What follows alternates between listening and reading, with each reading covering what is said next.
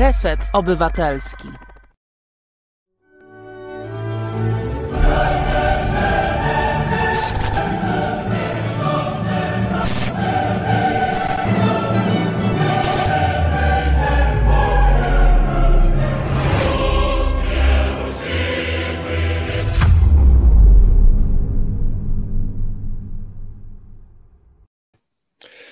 Dobry wieczór Państwu. Mamy dzisiaj 6 stycznia, święto tylu króli, ilu tam Państwo sobie naliczycie e, w tym dniu i program bez wyjścia premierowo o godzinie 19 i to już będzie stałe e, pasmo tego programu. Redaktor Radosław Gruca i redaktor Marcin Celiński. E, witamy, e, witamy Państwa, cieszymy się, że jesteście e, z nami. Program poza tym, że zaczyna się o 19, to potrwa trochę dłużej, to jest zresztą, to był Państwa pomysł i wytykaliście nam, że program jest zbyt krótki. Radku, no to jak przystało na królewski dzień, trzech króli, sześciu króli, jak kto woli. Zacznijmy od jakiegoś, jakiejś królewskiej wieści o królewskich planach biznesowych wobec Polski. No właśnie, mamy dla Państwa wyjątkową informację, mm, ponieważ nasz polexitowy radar działa coraz prężniej i tenże radar wychwycił bardzo ciekawe zjawisko a dokładnie mm, chodzi o to, w jaki sposób e, podchodzą zachodnie firmy do sytuacji w Polsce i e, groźby, która w Polsce jeszcze nie jest doceniana, a okazuje się, że wśród państw członkowskich jest traktowana zupełnie poważnie groźby polexitu. I otóż, drodzy Państwo, z bardzo dobrego źródła dowiedzieliśmy się no, ciekawym podejściu ciekawym, e, wiele mówiącym podejściu e, firm zachodnich do tego, co może stać się w Polsce na przykładzie planów zakupowych. E, a dokładnie chodzi o firmę z jednego mm, z krajów starej Unii, mm, ważnego kraju, tak to powiedzmy. Mianowicie firma, która postanowiła kupić firmę deweloperską w Polsce, zażyczyła sobie od tej firmy ponadstandardowych informacji o mm, jej e, działalności. I otóż, drodzy Państwo, podczas gdy standardowo mm, przy tego typu zakupach firmy e, żądają e, informacji o działaniu 2-3 lata wstecz, to tutaj okazuje się, że po pierwsze mm, horyzont, e, który chciała zbadać firma, chętna do nabycia firmy deweloperskiej w Polsce, był dużo dłuższy, co oczywiście może być jakimś sygnałem, ale jednoznacznym sygnałem co do tego, jak oceniają sytuację w Polsce zachodnie firmy, jest to, że firma ta zapytała o to, jaki udział w przedsięwzięciach podejmowanych przez polskiego dewelopera dotyczył projektów powiązanych z funduszami unijnymi. I dlaczego to jest tak, drodzy Państwo, ważne?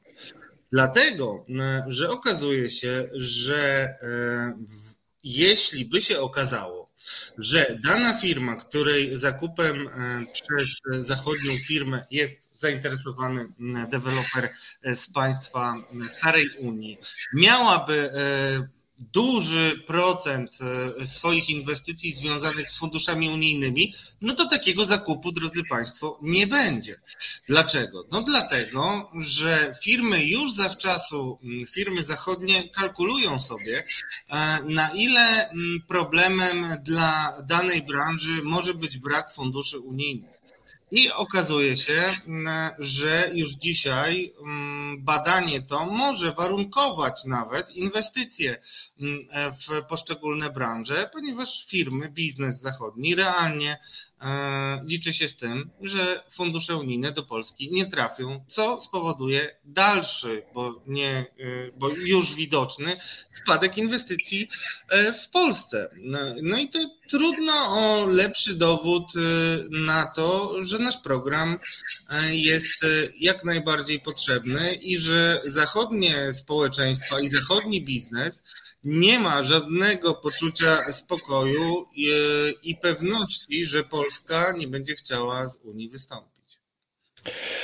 E, wrócimy do, na pewno do klimatu inwestycyjnego, bo no, oczywiście to, o czym mówi Radek, nie oznacza, że żadnych inwestycji nie będzie, oznacza tylko, że Polska e, przeskakuje do takiej szufladki inwestycyjnej przeznaczonej dla państw dziwnych, nieracjonalnych i często egzotycznych, w których po pierwsze, e, trzeba wziąć pod uwagę, że nie są e, w pełni, e, że, że jakby nie posługują się tymi samymi standardami, co państwa europejskie, w związku z czym biznes być może trzeba robić E, inaczej. Do tego oczywiście dochodzi kwestia sądów i o tym na pewno nie raz w programie e, będziemy mówili, czyli tak naprawdę bezpieczeństwa transakcyjnego i bezpieczeństwa prowadzenia działalności gospodarczej w danym kraju.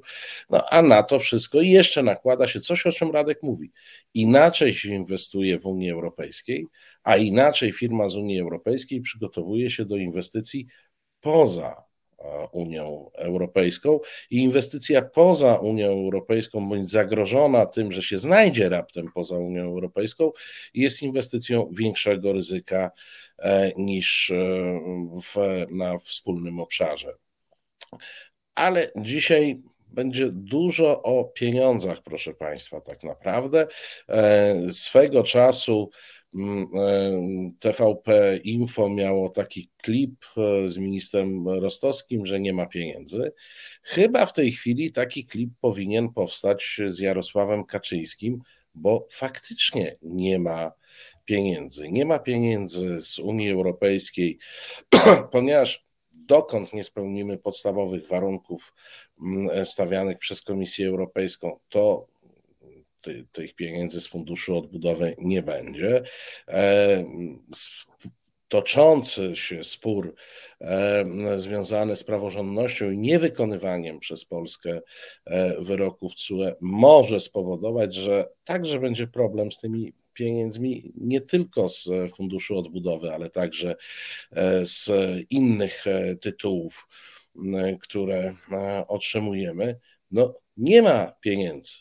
E, I nasz dzisiejszy gość e, o tym, że nie ma pieniędzy, wie i wie też o tym, e, gdzie ewentualnie pieniądze mogą się znaleźć. Naszym gościem jest pan poseł Paweł Zalewski. Dobry wieczór. Dobry wieczór. Panie pośle, no i nie ma pieniędzy i co dalej? No bo nie ma pieniędzy europejskich i tak naprawdę chyba nie mamy jakiejś sensownej e, perspektywy, żeby one były. Dzisiaj nic nie wskazuje na to, żeby one były, bo e, mimo deklaracji samego Jarosława Kaczyńskiego, ale także premiera Morawieckiego, e, nie tylko w Polsce, ale także zobowiązań wobec kolegów w Radzie Europejskiej, że Izba Dyscyplinarna zostanie zlikwidowana, e, na to się e, nie zanosi. E, nie zanosi się zapewne dlatego, że sprzeciwia się temu bardzo istotna dla funkcjonowania tego rządu, ale także dla poparcia w Sejmie grupa posłów na czele ze Zbigniewem Ziobrą, on tego przecież nie ukrywa. E, i rząd jest w absolutnym pacie. Ja zresztą e, przyznam się szczerze, że w tej sprawie nie wierzę w dobre intencje Jarosława Kaczyńskiego. E, z całą pewnością on nie będzie zaprzestawał w wysiłkach podporządkowania sobie sędziów, więc jeżeli nawet ta ustawa zostałaby zmieniona, to ta zamiana wcale nie będzie lepsza, tylko pewnie będzie po prostu jakimś elementem gry w ciuciu babkę z Komisją europejską. Niemniej e, e, nic nie wskazuje na to, aby pieniądze w tym roku również były. Na razie rząd nie podejmuje w tej kwestii żadnych działań i jest cicho o jakichkolwiek planach legislacyjnych. No a pieniądze są niezbędne ze względu na bardzo daleko idące zobowiązania, które rząd podjął w i ustawie budżetowej, no ale także politycznie wobec Polaków. I skądś te pieniądze musi musi znaleźć. Oczywiście niezastąpiony prezes Glapiński zawsze je może dodrukować, ale myślę, no, on ma że... bardzo dużo pieniędzy, mówił. Nie przebrany, nie musiałby, do, musiałby, musiałby dodrukować bardzo dużo pieniędzy i myślę, że ta sytuacja, w której dzisiaj już na pewno inflacja przekracza 8%, a poważni e, analitycy wskazują, że, mogą, że może w tym roku dojść nawet do 10, co naprawdę byłoby jakąś katastrofą. E, mamy e, dwa razy większą inflację niż w krajach Unii Europejskiej, w krajach, w krajach euro. No to jest absolutna katastrofa. A więc, a więc tych pieniędzy Jarosław Kaczyński musi szukać i tak naprawdę od dawna już był przygotowywany projekt i pomysł, który miał zastąpić fundusze europejskie funduszami chińskimi. Ja pamiętam taką e, relację, którą miałem z jednego ze spotkań pana ministra Waszczykowskiego e, na początku 16 roku w Brukseli. To było zamknięte spotkanie, no ale jednak z polskimi dyplomatami przy Unii Europejskiej, kiedy on jednoznacznie powiedział, że nie będzie funduszy europejskich, to będą fundusze chińskie. I ten wariant e, nastawienia się na współpracę z Chinami, na szukania e, środków e, na różnego rodzaju inwestycje jest od lat rozważany w PiSie. E, przypomnę chociażby w 2017 roku mówiło się, rząd rozważał możliwość finansowania budowy elektrowni atomowej. No to są potężne środki. Wtedy mówiono nawet o dwóch elektrowniach, to byłyby kwoty przekraczające 200 miliardów złotych a więc e, e, że, że te pieniądze miałyby być, miałyby pochodzić z zadłużenia na rynku chińskim. E, a więc Chiny są ciągle takim bardzo istotnym elementem finansowania różnego rodzaju inwestycji państwowych. Pamiętam niedawno, w ubiegłym roku, debatę w Sejmie, gdy zabierałem głos i mówiłem o tym, że E, zamiast w stronę Unii Europejskiej e, rząd patrzy e, na wschód, już nie tylko na, na Rosję, ale daleki wschód przede wszystkim, i że pojawiają się informacje o zadłużeniu w obligacjach denominowanych w juanach przez państwo polskie, przez Skarb Państwa, minister finansów to potwierdził. Ja zadałem pytanie dotyczące skali planów przygotowywanych e, e, pożyczek. E, mam nadzieję, że niedługo uzyskamy odpowiedź na to. Natomiast te plany są, są faktem. Pytanie o skalę, ale tak czy inaczej, dla polskiego rządu, dla PiSu, Chiny pozostają bardzo ważną alternatywą finansową, ale przede wszystkim cywilizacyjną, dlatego że Chiny nie pytają e, o rządy prawa, e, wręcz przeciwnie. E, wszędzie tam, gdzie wchodzą, w różnych krajach, wchodzą dzięki niejasnym transakcjom, niejasnym relacjom, niejasnym kontaktom. Tak naprawdę tam, gdzie rządy prawa funkcjonują, wejście firm chińskich w dużej mierze doprowadza do tego, że te rządy prawa są podmywane przez korupcję. Bo to jest jedna z głównych, jeden z głównych instrumentów, którymi posługują się Chińczycy. A tak naprawdę z punktu widzenia Chin, rząd, który ma charakter no, quasi-autorytarny, no bo przecież jeszcze nie autorytarny, mówimy tutaj o rządzie PiSu, no ale takim, mówimy o takim rządzie, który w tym kierunku rozpoczął już drogę. Jest bardzo korzystny. Także Także tutaj e, dla, e, dla Chin PiS jest wymarzonym partnerem, e, a dla PiSu Chiny, które nie tylko akceptują ten mechanizm funkcjonowania państwa, który w Polsce się rozwija, ale także w jakimś sensie stymulują, to jest także korzystne. I to jest olbrzymie niebezpieczeństwo, bo, bo my w Polsce jesteśmy do tego przyzwyczajeni, że istotne zagrożenie może przyjść ze strony Rosji. Mamy, mamy takie doświadczenie historyczne i i Chiny zawsze jawiły się takim krajem, który, takim wielkim kolosem, który może Rosji zagrozić. Przecież te no właśnie, panie pośle, pozwolę sobie mhm. wtrącić, no bo tak. powiem szczerze, ja jestem na bieżąco, poświęciłem się i nurkuję w te no, mętną toń dyskusji o polexicie, dyskusji prowadzonej w złej wierze na łamach prawicowych tygodników, szczególnie do rzeczy. E, I mogę sobie wyobrazić już, jak e, będzie odpowiadać część ludzi wspierających rząd, publicystów. No i na pewno mogą powiedzieć tak, no okej, okay, Chiny to Chiny, ale ważniejsze jest zagrożenie ze strony Rosji, więc e, jeżeli możemy sobie poradzić z zagrożeniem ze strony Rosji, korzystając z pomocy i budując współpracę z Chinami, no to o co chodzi? No nie. E, jest dokładnie odwrotnie. E, Rosja może być agresywna w Europie Wschodniej wobec Białorusi, wobec Ukrainy, także wobec Polski i państw bałtyckich, właśnie dlatego, że za nią stoją Chiny. Ja przypomnę niedawną rozmowę telefoniczną prezydenta Putina z prezydentem Xi, który która nastąpiła zaraz po rozmowie Putina z Bidenem, gdzie chiński przywódca jednoznacznie poparł oczekiwania e, rosyjskie do uznania e, rosyjskiej strefy wpływów w, e, w Europie.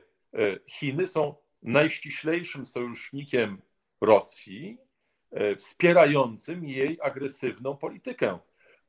I dla Chin, Chiny mają już doświadczenie takim poleckim doświadczalnym jest Azja Centralna, gdzie Chiny uznały, iż w kwestiach bezpieczeństwa, w kwestiach politycznych dominuje Rosja, ale one zdominowały ten region ekonomicznie i ma miejsce, ma, ma miejsce po prostu symbioza. Te kraje, które wydawałoby się powinny ze sobą rywalizować, także dlatego, że mają wiele elementów sprzecznych i interes narodowy rosyjski tak naprawdę tą współpracą jest zagrożony, patrząc chociażby na to, co się dzieje na Syberii.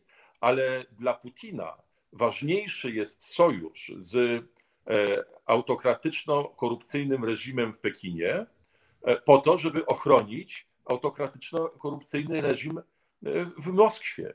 A więc to nie jest tak, jak kiedyś żeśmy mówili, prawda, dowcipkowaliśmy, że no, na cała nadzieja w Chinach, prawda? Była cała taka seria dowcipów o, o granicy polsko-chińskiej na Uralu. Tak jest. I, i Chińczycy mieli tak, do tak trzy razy na piechotę, tak. Przez... No więc właśnie, prawda? I, i że, że, że zapraszamy Chińczyków do nas i tak dalej, i tak dalej. Otóż tak nie jest. Chiny nie są krajem niezaangażowanym w to, co się dzieje e, w Europie Wschodniej, bo są zaangażowane po stronie Rosji i będą wykorzystywać wszystkie okazje, które Rosja będzie stwarzała. I powiem więcej. Z punktu widzenia Chin, e, sytuacja, w której e, e, ten taki niedemokratyczny,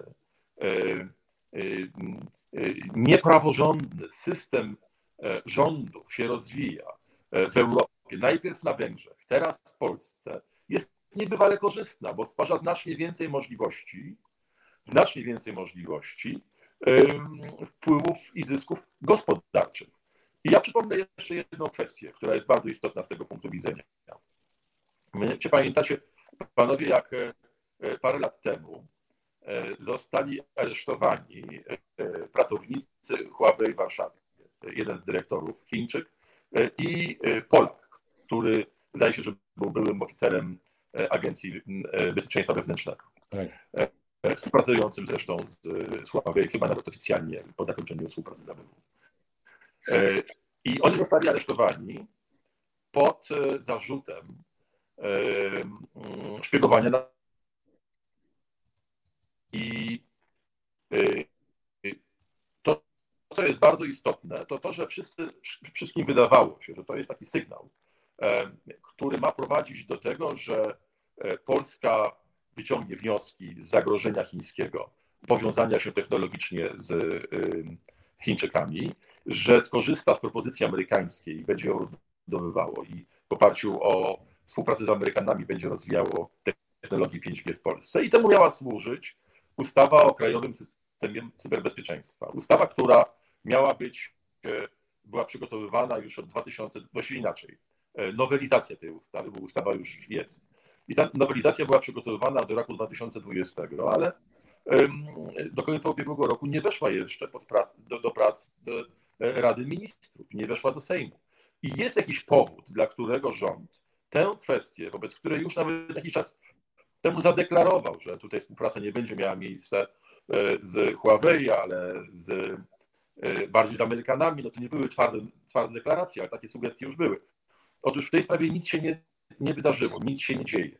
E, I to jest taki moment, w którym mamy prawo zapytać, czy relacje z Chinami mają nam zastąpić, bo nie uzupełnić. Tutaj jest mowa o zastąpieniu chociażby w kwestiach funduszy europejskich, współpracy z Unią Europejską. I to jest bardzo ważne pytanie. A tu jest też pytanie o pewną, pewną analizę natury geopolitycznej, bo jest rzeczą oczywistą, że mamy do czynienia w tej chwili E, z Chinami, które e, są zupełnie innym państwem na arenie e, międzynarodowej, z Chinami, które aspirują do roli mocarstwowej przez lata nie aspirowali, mimo, mimo dużego potencjału. E, ta synergia chińsko-rosyjska jest taka dosyć oczywista. Rosjanie są militarnie silni, ale nie mają pieniędzy. Natomiast Chińczycy mają największe rezerwy e, walutowe i największe rezerwy mm, e, w innych środkach parafinansowych na świecie. No, nieporównywalne z nikim innym. Więc ich na wiele rzeczy stać. E, natomiast ja się zastanawiam nad tym wchodzeniem Chin do Polski, bo to się dzieje od dawna. E, razem z Tomkiem Piątkiem opisywaliśmy Instytuty Konfucjusza, odpisywaliśmy także różne inne zaskakujące płaszczyzny e, współpracy, jak choćby współpraca policyjna e, szkoły w Szczytnie z taką jakąś wielką szkołą główną milicji chińskiej. Zatrważająco w ogóle te dokumenty brzmiały jak wymiana wiedzy i szkolenia polegały na radzeniu sobie na przykład z zamieszkami. Więc jeżeli my się uczymy od Chińczyków e, radzenia sobie z zamieszkami, brzmi to groźnie. Ta, jesteśmy z całą pewnością i tutaj no, opisywaliśmy to z Tomkiem, to powiem, wpadliśmy na to, opisując prezydenta Dudę i jego e, otoczenie. Więc to jakby wskazuje na to, że Chińczycy są zainteresowani wejściem e, do Polski. Tych sygnałów jest wiele, e, a Polska z drugiej strony pod tymi rządami jest chyba zainteresowana bardzo współpracą z Chińczykami, bo przypomnę, że Instytuty Konfucjusza z racji swojej takiej E, roli wieloznacznej, w tym roli wywiadowczo-lobbingowej, e, zostały zakazane w wielu miejscach. W Australii chociażby, w Holandii e, nie mogą, nie mogą działać, a wszędzie na świecie, w świecie zachodu są bardzo pilnie monitorowane. Tylko jak do tej pory mamy jedną emisję obligacji denominowanych w yuanie i to jest niecałe 2 miliardy dolarów, chyba miliard 900 milionów, więc umówmy się, że środki niewielkie w skali potrzeb. E, myślę, że takie e, wsparcie równoważące e, Krajowy Plan Odbudowy to musi być kilkaset miliardów dolarów.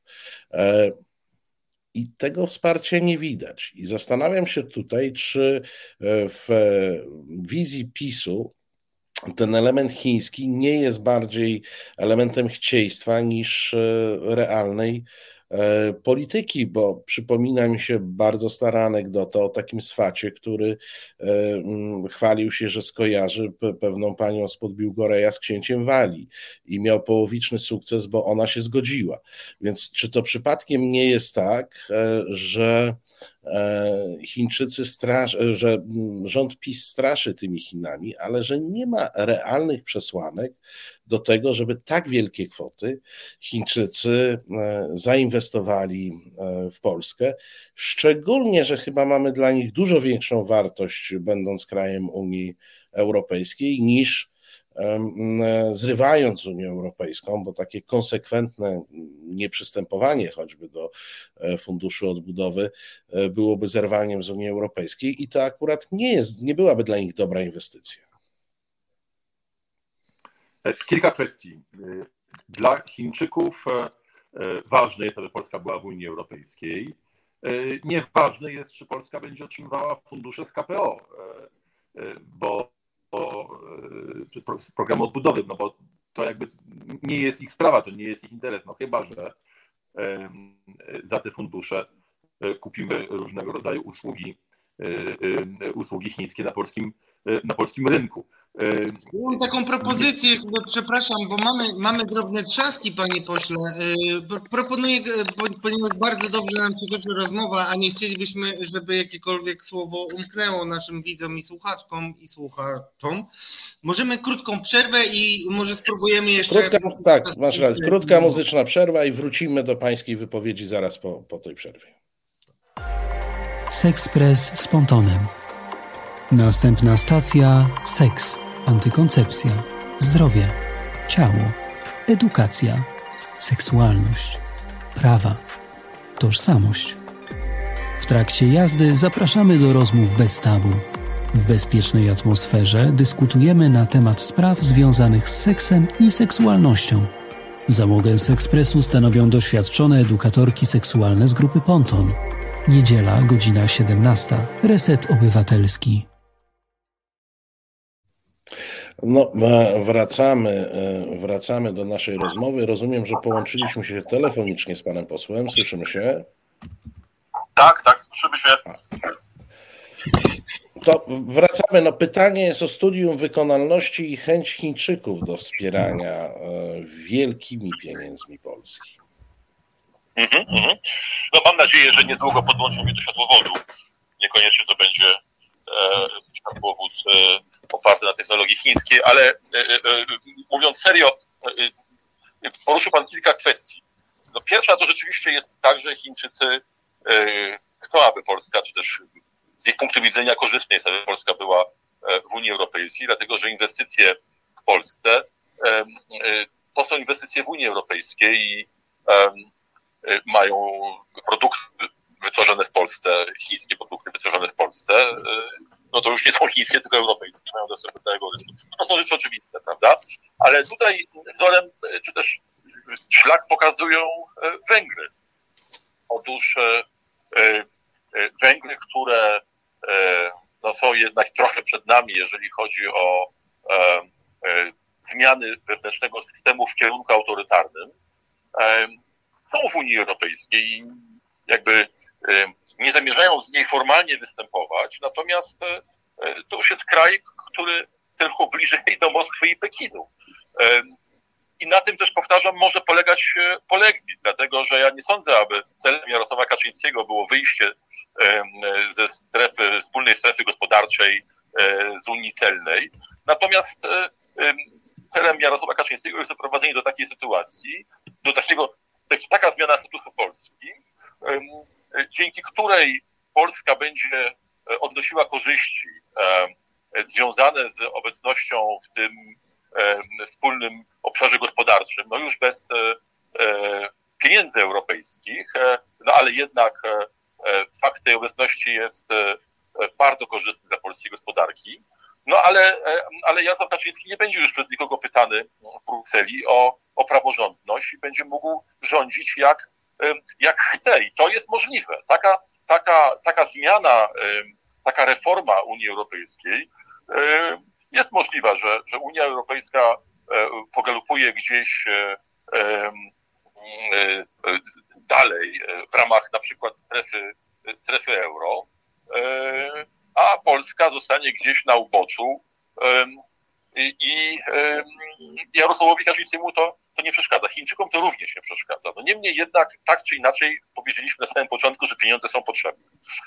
I ja oczywiście nie wiem, e, e, jaka jest e, skłonność Chin do tego, aby ratować e, rząd PiSu. E, Chińczycy nigdy nie byli państwem, które jakoś wielkodusznie wspierało innych. Zawsze widzieli w tym swój interes. Jeżeli oferta polska będzie na tyle interesująca, że Chińczycy z niej odniosą korzyść, to w moim przekonaniu będzie przyjęte, nawet jeżeli będzie chodziło o gigantyczne, o gigantyczne środki. I też pamiętajmy, że to przecież mówimy o wieluset miliardach złotych, no ale w ciągu, w ciągu wielu lat, tak? nie, nie, nie, nie od razu. I trudno powiedzieć, na ile to jest realne, na ile to są takie bajania nierealistycznych polityków PiSu w ich zacisznych gabinetach. Niemniej coś na rzeczy jest. Chiny kokietują rząd w Warszawie, kokietują prezydenta Dudę. Prezydent Duda utrzymuje ze swoim odpowiednikiem chińskim relacje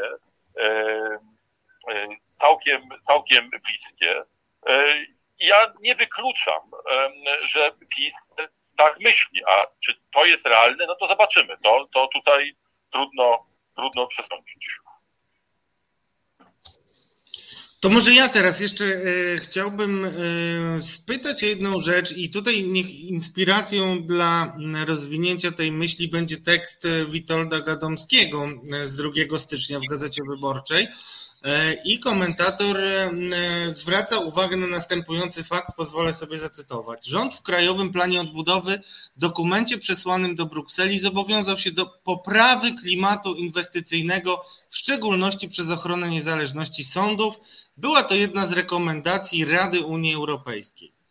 E, I panie pośle, chciałem spytać właśnie, mm, na ile to jest e, istotny fakt, bo często e, szczególnie politycy Solidarnej Polski, ale generalnie eurosceptycznych ugrupowań lub antyunijnych ugrupowań zwracają uwagę na to, że Pieniądze za praworządność to jest taki kij, którym można uderzać bez wyraźnego powodu, bo co to jest praworządność? I tutaj chciałem wrócić do, do, do powiązania tej kwestii. Pan to zasygnalizował w pierwszej wypowiedzi. E, jaka jest z perspektywy Unii Europejskiej? Pan był europosłem, pracował Pan w Komisji Handlu w Parlamencie Europejskim. Jak z perspektywy państw Unii e, istotnym jest to, że sądy nie są niezależne w tym sensie, że e, Zbigniew Ziobro na ten moment może praktycznie każdego niepokornego sędziego za pomocą swoich wytrychów, które wprowadził w ustawach zmieniających sądownictwo, tak naprawdę eliminować niewygodnych e, sędziów może z dnia na dzień. Na ile to jest istotne dla państw Unii Europejskiej, żeby ten stan rzeczy obowiązujący przerwać? To jest absolutnie fundamentalna i tak naprawdę sięgająca genezy e, samych podwalin Unii Europejskiej. Bez wiarygodnych e, sądów, wiarygodnych, to znaczy niezawisłych, E, działających e, zgodnie z tymi samymi standardami. To nie znaczy, że tak samo zorganizowanych, ale działających zgodnie z tymi samymi standardami nie ma Unii Europejskiej. Nie ma Unii Europejskiej w jej podstawowym wymiarze, e, czyli wymiarze gospodarczym. Unia Europejska polega na tym, że tworzymy wspólną przestrzeń gospodarczą, gdzie podmioty zagraniczne mają takie same prawa jak krajowe, więcej, te standardy unijne e, funkcjonowania firm e, są uwspólniane, a więc jest szereg elementów, e, które powinny być takie same. Jest wiele również kwestii odmiennych, chociażby podatki, dzięki temu gospodarki mogą ze sobą rywalizować w ramach Unii Europejskiej. No niemniej jednak istotne jest to, że jeżeli belgijscy, niemieccy, francuscy przedsiębiorcy inwestują w Polsce, to muszą mieć zaufanie, że e, sprawy, e, które e, wniosą przeciwko władzom albo przeciwko podmiotom gospodarczym w Polsce, będą osądzane przez sądy, na które nikt nie ma wpływu. Bo to tylko wyłącznie gwarantuje sprawiedliwość wyrokowania. E, I sytuacja, w której sądy zaczynają być zdominowane przez partię rządzącą i zaczynają być instrumentem partii rządzącej, rodzi podejrzenie, że że w sytuacji sporu jakiejś firmy zagranicznej, czy unijnej, tak, belgijskiej, francuskiej, niemieckiej, czy jakiejkolwiek innej, z jakimś polskim podmiotem, no na przykład takim, który nie chce wydać jakiegoś, jakiejś decyzji, która jest niezbędna z punktu widzenia dalszego funkcjonowania tej firmy. E, e, otóż, że, że, że, jeżeli, że, że, że, że jeżeli będzie tę kwestię rozpatrywał sąd zależny od władzy, no to e, istnieje możliwość, że, ta, że, że, że wyrok w tej sprawie zapadnie nie zgodnie z regułami sprawiedliwości, ale zgodnie z interesem, z interesem PiSu. A więc a to jest jakby jeszcze, bo jakiś czas temu, tak, inwestycje, bo może, bo ktoś może zapytać, no dobrze, ale przecież inwestycje w Polsce zagraniczne miały miejsce już od lat 90., kiedy Polska nie była w Unii Europejskiej. I co wtedy, prawda? I odpowiedź jest, jest następująca. Wtedy, zanim Polska była, stała, stała się członkiem Unii Europejskiej, te inwestycje były możliwe, dlatego że polski rząd zawarł z rządami innych krajów, w tym krajów Unii Europejskiej, tak zwane umowy, umowy o e, e, ochronie inwestycji. W ramach umów o ochronie inwestycji bardzo często uznawano, że spory między firmami, ale także między państwem a firmą,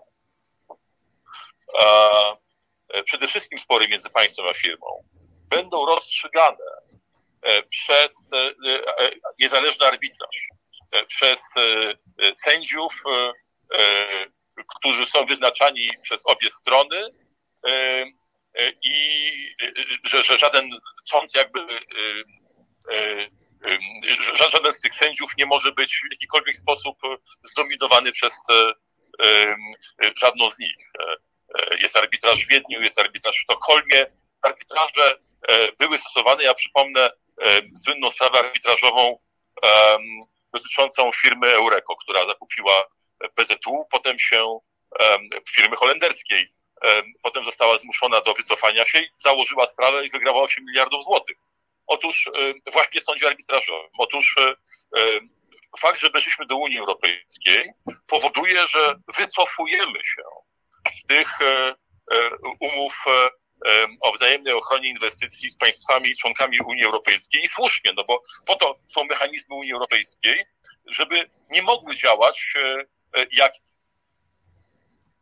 mechanizmy określone tymi umowami, a więc tych umów już nie ma. Nie ma już sądów arbitrażowych. Są sądy poszczególnych państw. To oznacza konieczność niezawisłości sądowniczej. Więc jakby odpowiadając na, pan, na, na, na pańskie pytanie, to jest rzecz absolutnie zasadnicza. Bez tej kwestii nie będzie w Polsce nie będzie w Polsce inwestycji, inwestycji zagranicznych, a niewykluczone jest, że te inwestycje, które są, za jakiś czas, gdy sprawdzą się te obawy, o których teraz mówimy, o tej nie, jakby nieobiektywności sądów, że niektóre inwestycje będą się wycofywały po prostu. A proszę powiedzieć, wrócę na chwilę jeszcze do tych, do tych pieniędzy, bo myśmy to napisali w zapowiedzi tego programu to nie jest tak, że te pieniądze mogą, mówię o tych dużych pieniądzach, mogą przyjść tak. kiedyś tam, ponieważ duża część e, choćby Polskiego Ładu e, w zakresie inwestycji e, i dopłat przewidzianych w nim była oparta o założenie, że będą te ekstra pieniądze nie pochodzące z budżetu polskiego z funduszu odbudowy.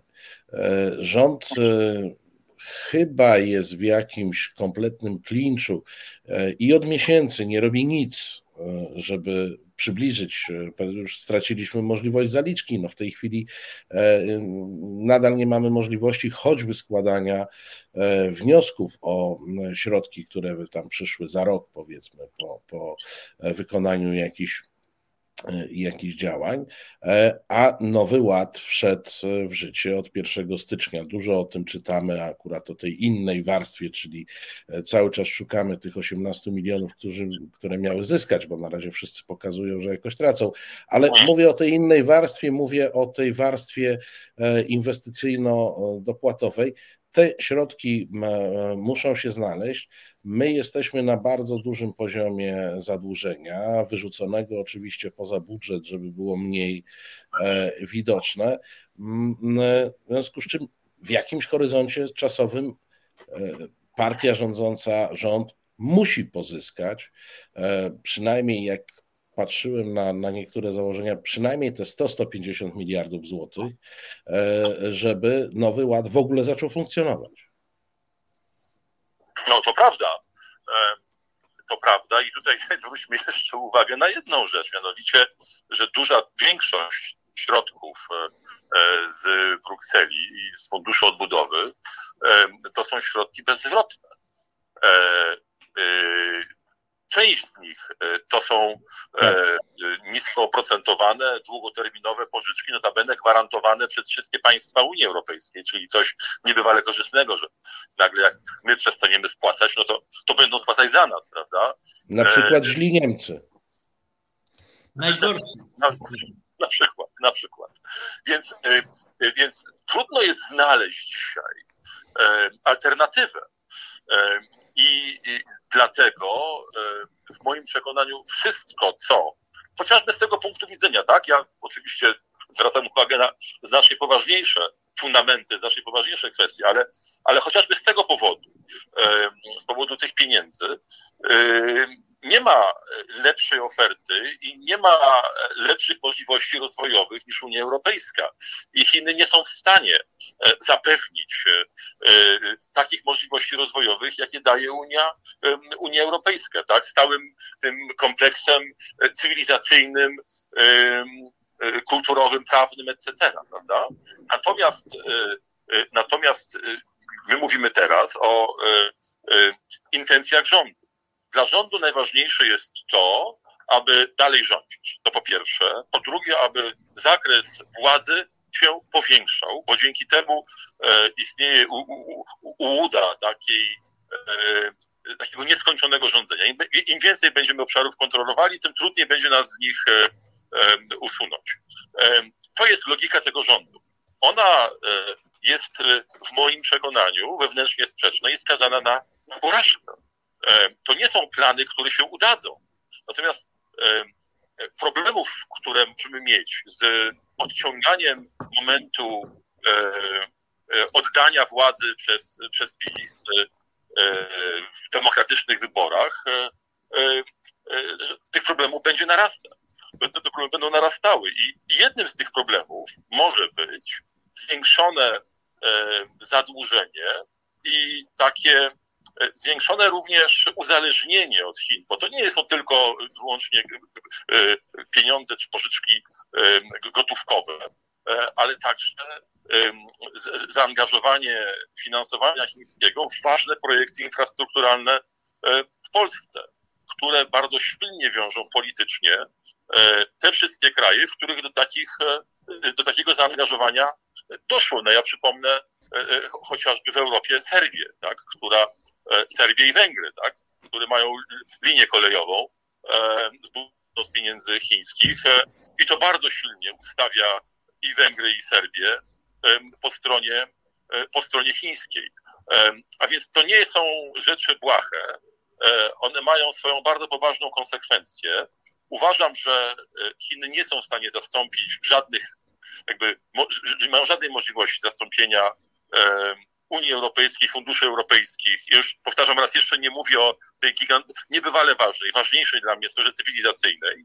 E, no ale kto zabroni decydentom pisowskim e, o tym myśleć?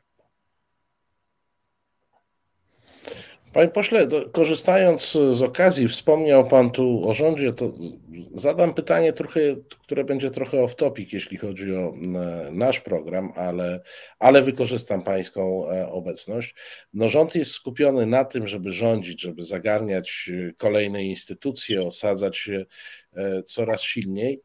E, politologicznie rzecz biorąc, my dostajemy od rządu bardzo sprzeczne E, sygnały na temat e, możliwości e, skrócenia kadencji wcześniejszych wyborów, bo z jednej strony nie zdarzyło się jeszcze, żeby w roku poprzedzającym wybory ktoś podnosił stopy procentowe i to jest jedna przesłanka, a z drugiej strony programy osłonowe Mm, e, przy podwyżkach, które rząd proponuje, to są takie na kwartał, maksimum na e, pierwsze dwa kwartały.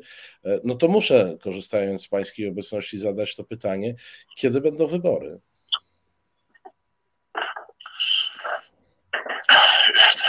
To jest pytanie, które również zawiera wiele wątków. Nie chcę, nie chcę ich tutaj wszystkich omawiać, ale sytuacja polityczna jest niebywale trudna E, rząd ma e, większość w Sejmie opartą na jednym pośle, w dodatku pośle, nad którym ciążą bardzo poważne zarzuty, już nie mówię, e, że, że, że, że, że kryminalne, ale, ale straszne moralne. No, mówię o panu pośle Mejzie, Mejzie. Wykorzystywanie nadziei ciężko chorych czy śmiertelnie nieraz chorych dzieci, czy rodziców dzieci no to, to jest rzecz, rzecz, rzecz straszna, ale e, więc jakby widać wyraźnie, że e, e, wiele rzeczy się dzieje wewnątrz obozu władzy, że, że mogą nastąpić daleko idące przesunięcia, że ta większość jest bardzo chybotliwa i tutaj już nie tylko wyjście z koalicji, czy z tego Zjednoczonej Prawicy Gowina, ale także przecież zupełnie możliwe wyjście, e, czy też doprowadzenie do wyjścia partii e, Zbigniewa Ziobry, e, no tutaj widzimy, że, że, że ten rząd ma bardzo, bardzo niestabilną sytuację. Mamy gigantyczne kryzysy, z którymi rząd sobie nie radzi. Mamy największy kryzys śmiertelności Polaków, bo to tak chyba trzeba nazwać, bo to nie jest tylko COVID. To jest w moim przekonaniu podejście rządu, które lekceważy zagrożenie śmiertelności e, i zachorowań Polaków. To jest kwestia zapaści służby zdrowia. No tutaj możemy mnożyć e, e, te przyczyny, no ale mamy największą śmiertelność Polaków od II wojny światowej. To jest rzecz straszna.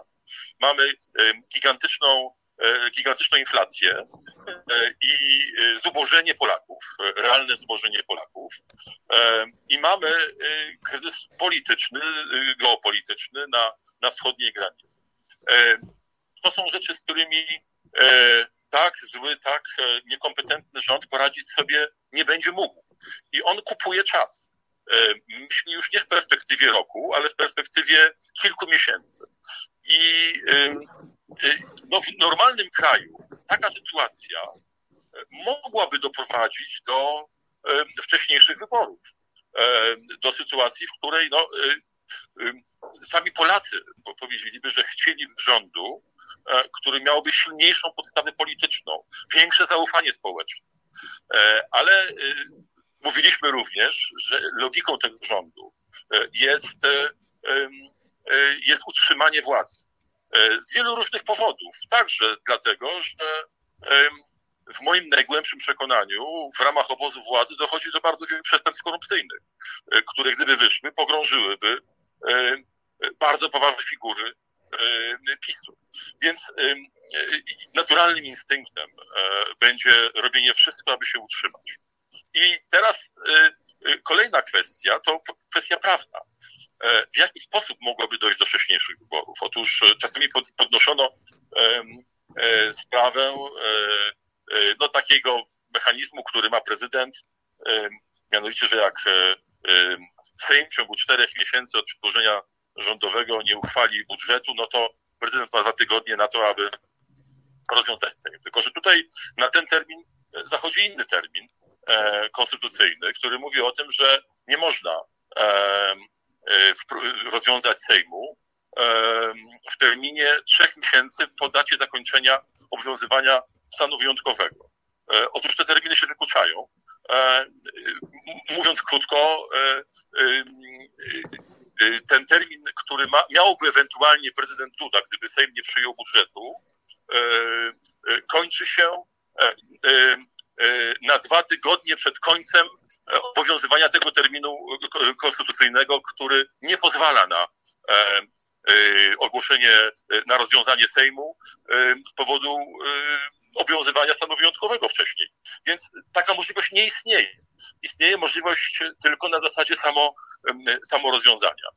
I tutaj, czy nawet jeżeli Jarosław Kaczyński taki wniosek podda pod głosowanie, ja zakładam, że cała opozycja zagłosuje przeciw ale e, czy rzeczywiście e, uzyska poparcie dla tego wniosku wewnątrz własnej partii, ludzi, dla których e, nowe wybory oznaczać mogą po prostu już nie tylko utratę apanarzy, ale także problemy prawne, no to ja nie jestem pewien, więc trudno tutaj, trudno tutaj wróżyć. Myślę, że logika tego systemu wskazuje na to, że wybory będą w terminie, chociaż wyobrażam sobie e, gigantyczne paroksyzmy władzy e, w tym roku i olbrzymie problemy, e, które no nie wykluczam tego, mogą doprowadzić do, do przesilenia, a w efekcie do, do wcześniejszych wyborów. Chociaż myślę, że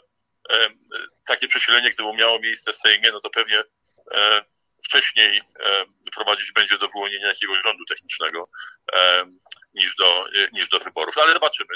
Rzeczywiście sytuacja jest e, bardzo trudna do przewidzenia, chociaż logikę e, PiSu znamy i to jest logika trzymania kurczowego się władzy, nawet jeżeli nie, nie są w stanie sobie poradzić e, z tymi trzema gigantycznymi kryzysami, które zbiegły się w jednym terminie. To ostatnie pytanie jeszcze nawiązujące do, na, do naszej czołówki i też generalnie do fundamentalnego pytania, czy Polska nie będąc w Unii Europejskiej nie jest skazana na to, że przesunie się w rosyjską strefę wpływów. E, pytanie, czy to jest przypadek, że Jarosław Kaczyński e, i wielu polityków zarówno Solidarnej Polski, jak i PiSu no mówi wprost putinowską agendą. Powtarza, powtarza przekazy antyunijne niczym jakby od kalki apologetów Putina. E, czy to jest przypadek Pana zdaniem, czy rzeczywiście w Polsce możemy mieć e, do czynienia z działalnością agenturalną, mówiąc wprost? A, przypomnę e, ostatnio takie kuretkie przywitanie dla e, e, pani Marine Le Pen, e, której jednym założeniem jest zlikwidowanie Unii Europejskiej i która jest zadłużona u, u Putina, czyli jej partia jest zadłużona, bo wzięła kredyt na, na wybory i zdaje się, że go jeszcze nie oddała. Więc, więc oczywiście, że, że, że dzisiaj to już, znaczy mówienie o reorientacji geopolitycznej geopolitycznej Polski nie jest już e, jakimś e, e, myśleniem tym, nieopartym na faktach, z którymi mamy do czynienia dzisiaj. Oczywiście, że tak jest. Natomiast no, uporządkujmy. Co to znaczy polexit? To nie będzie oznaczało, przynajmniej taka nie, nie, taka nie jest intencja PiSu, wyjście z ram wspólnego obszaru gospodarczego. Niech to się nazywa Unia Europejska. Natomiast niewątpliwie to jest utrata to, co się dzieje w Unii Europejskiej, z czym mamy do czynienia już dzisiaj, prawda? Ja sobie wyobrażam, e, mówi się o, e, o nowych e, o nowym traktacie europejskim, o nowej konfiguracji czy konstrukcji europejskiej. Wyobrażam sobie sytuację, w której sama Unia Europejska będzie zainteresowana tym, aby państwa takie jak Polska czy Węgry, nie stosujące się do zasad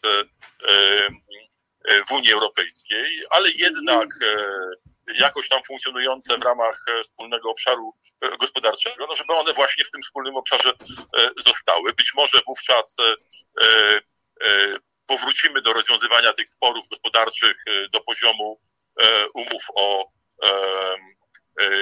ochronie inwestycji przesuniemy sądownictwo na sądownictwo arbitrażowe sądownictwa krajowego, to to wszystko jest możliwe, prawda? Ja sobie to doskonale, naprawdę doskonale to wyobrażam.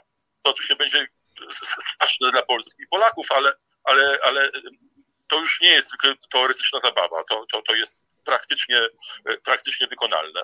No i teraz weźmy przykład węgierski. Pan mówi o przesuwaniu się strefy wpływów w stronę, w stronę rosyjską. No to ja jeszcze raz wrócę. Znaczy tak, po pierwsze Węgry dzisiaj mają bliżej do Moskwy niż do Brukseli. Ostatnio minister spraw zagranicznych Węgier został oznaczony wysokim umacnianie współpracy. No, żaden europejski minister nawet nie pomyśli o czymś takim, bo to było po prostu niemożliwe.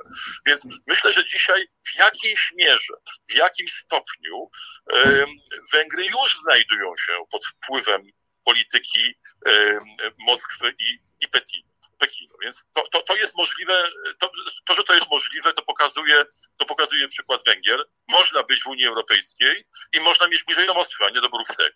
No a przykład y, y, Azji Centralnej też jest aplikowalny y, u, nas, czyli sytuacja, w której Rosja dominuje politycznie, ale Chiny dominują gospodarczo, jest zupełnie, jest zupełnie możliwa i, i sytuacja, w której ciągle Polska będąc w jakimś mechanizmie współpracy gospodarczej w Unii Europejskiej, czy z Unią Europejską, mając ciągle bardzo wysokie inwestycje z przeszłości niestety, no bo nowych nie widać, z Unii Europejskiej, mając ten punkt ciężkości gospodarki oparty na Europę, no jednak politycznie może znaleźć się w strefie wpływów rosyjskich.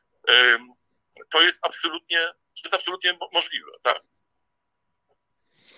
Panie pośle, bardzo dziękujemy za dzisiejszą wizytę w naszym wirtualnym studio. Mimo e, pewnych problemów z techniką, i tutaj zdaje się, że jeszcze nikt dobrego rozwiązania nie wymyślił na to poza mm, czymś, co pamiętamy sprzed czasów pandemicznych, czyli siedzeniu w jednym studiu i mówieniu do tego samego systemu, to mimo tych kłopotów e, e, technicznych udało nam się e, porozmawiać. Bardzo panu dziękujemy za wizytę i za tę rozmowę.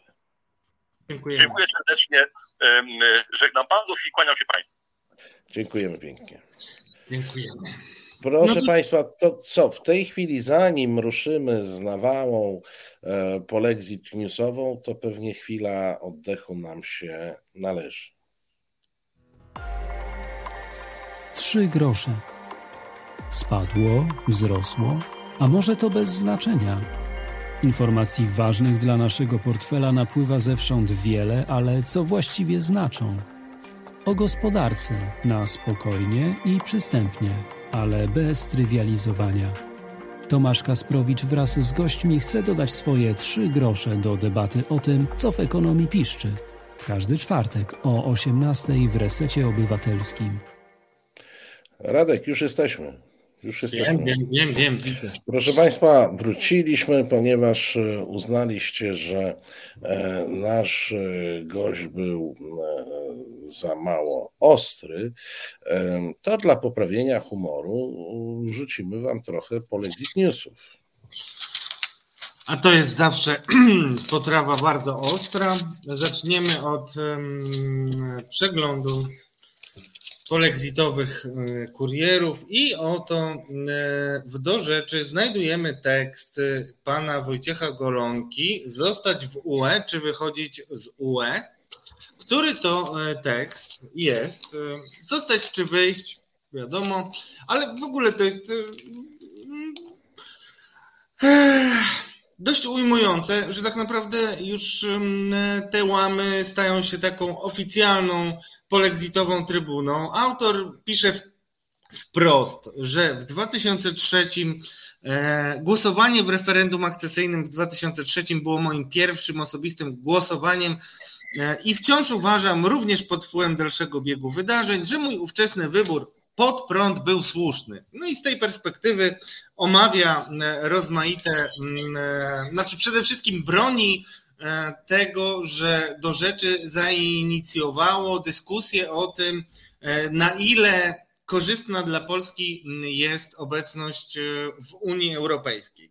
Jest to tekst, który naprawdę no, ma, ma dużo mocnych filarów, ale pozwolę sobie przeczytać takie jedno zdanie. Uwaga, to ja naprawdę mówię o jednym zdaniu, więc y, nie, nie myślcie, że się pomyliłem. E, oczywiście ludzie postępowi i oświeceni sklasyfikowaliby moje doświadczenia i odczucia wywołujące ów instynktowny opór przedreferendalnym tak, jako nieprzezwyciężone we mnie złogi faszyzmu i obskurantyzmu. Niemniej moje obawy odnośnie do potencjalnej kolizji tożsamościowej między tym, co kulturowo polskie, a tym, co unijne, było wystarczająco uzasadnione na tyle, że zapytany przeze mnie w czasie spotkania z polskimi studentami w Paryżu kardynał Józef Glemp o, o powody popierania przez polski Kościół akcesu, mimo wiążących się z nim niebezpieczeństw natury cywilizacyjnej i moralnej, odparł mniej więcej, że idziemy do Unii po to, aby nawrócić zachodnią Europę. No trochę się nad Państwem popastwiłem, to naprawdę jest jedno zdanie i myślę, że mm, to nie jest tylko kwestia redagowania tekstu, ale e, chciałem też zrobić taki wstęp do e, drugiego e, newsa, który moim zdaniem też jest dość istotny. No generalnie mm, clue dla mnie tej historii, która podsumowuje debatę, jest takie, że już bez cienia żenady mm, nasi publicyści prorządowi e, mówią wprost o tym, że trzeba wyjść z Unii, tak naprawdę. I jeszcze jeden cytat, już teraz e, zrozumiały i lapidarny, odnośnie mm, tego, jak e, politycy PiSu mówią o Unii. Moim zdaniem trafiający w sedno. I tutaj tak, ugrupowania prawicowe wyrażają wobec swych wyborców nieraz bardzo krytyczny przekaz wobec działań i mechanizmów Unii. W obozie władzy czyni to poniekąd z urzędu Solidarna Polska. Ja dodam, że nie wiem dlaczego z urzędu. Jednak głosy Czarneckiego i Bosaka ukazują, że polityk chcąc rządzić, pozostanie częściowo więźniem nastrojów społecznych tym straszenia przez opozycję tematem polexitu na rzecz zbijania kapitału w polityce krajowej. Czyli krótko mówiąc, politycy chcieliby powiedzieć wam, że Unia jest zła i powinniśmy z niej wyjść, no ale są zakładnikami, więc tego nie mówią. Intencje i prawdziwe przekonania już, drodzy czytelnicy, znają. Ale to o, o, prawdzie to ja mam taki dosyć e, ciekawy przypadek, który warto chyba omówić w rubryce polexitowej. A mianowicie mamy pewien sukces, bo, po, bardzo długim czasie e, mamy ambasadora Rzeczypospolitej Polskiej w Czechach. E, został nim pan e, Mirosław Jasiński, któremu nie wróżę długiej kariery na tym stanowisku, albowiem udzielił wywiadu Deutsche Welle i był pytany o konflikt turoski. No i teraz zacytuję, co on co ambasador e, Rzeczypospolitej w Pradze na temat tego konfliktu powiedział, a, a mianowicie od razu uprzedzę, trzymajcie się Państwo mocno, bo powiedział po prostu prawdę. Ten problem powinien być rozwiązany nawet nie na poziomie prezesów, a dyrektorów technicznych kopalni. Każda poważna firma ma przecież oddział zajmujący się naprawianiem szkód Mówimy tutaj, proszę Państwa, o nowym wyrobisku e, węgla brunatnego w Turowie i e, brakiem wody po czeskiej stronie. Nazywamy to odpowiedzialnym biznesem. Ten problem powinien być rozwiązany mm, e, już dawno. I przypomnij, pan ambasador wgryź się w temat. Przecież te same problemy są w sąsiedztwie Turowa po polskiej stronie. Pytanie, dlaczego nie ma to obowiązywać wobec ludzi, którzy żyją kilometr czy dwa od kopalni po drugiej stronie granicy? Mowa tutaj o braku wody, o tym, że po polskiej stronie mm, e, e, budowane są e, wodociągi bez jakichś szczególnych problemów, jako coś oczywistego, że jeżeli ludzie nie mają wody w studniach, to należy im tę wodę dostarczyć. E, No i mówi tutaj, pokazuje, jakie są przyczyny problemu Turowa. Bądźmy więc uczciwi i przyznajmy, że powodem sporu była jednak arogancja pewnych ludzi. No i tutaj pada pytanie, no to o których ludzi chodzi? No i pan ambasador Jasiński odpowiada. Tak, przede wszystkim z dyrekcji kopalni, potem jest dyrekcja PGE, czyli właściciela kopalni, a całe lata świetne dalej ministerstwa i premier. Słyszycie to? Mówi to, ja własnym oczom nie wierzyłem, e, czytając. No i podsumowuję, trzeba te szkody naprawić natychmiast, e, bo jeśli ktoś sobie kopie dół, to nie znaczy, że ludzie z sąsiedztwa mają zostać bez wody. E, nie wierzę w to, żeby wielkiej kopalni nie było stać na zrobienie wodociągu do kilkudziesięciu gospodarstw. Tak powiedział pan ambasador Mirosław e, Jasiński, ambasador Rzeczpospolitej w Pradze.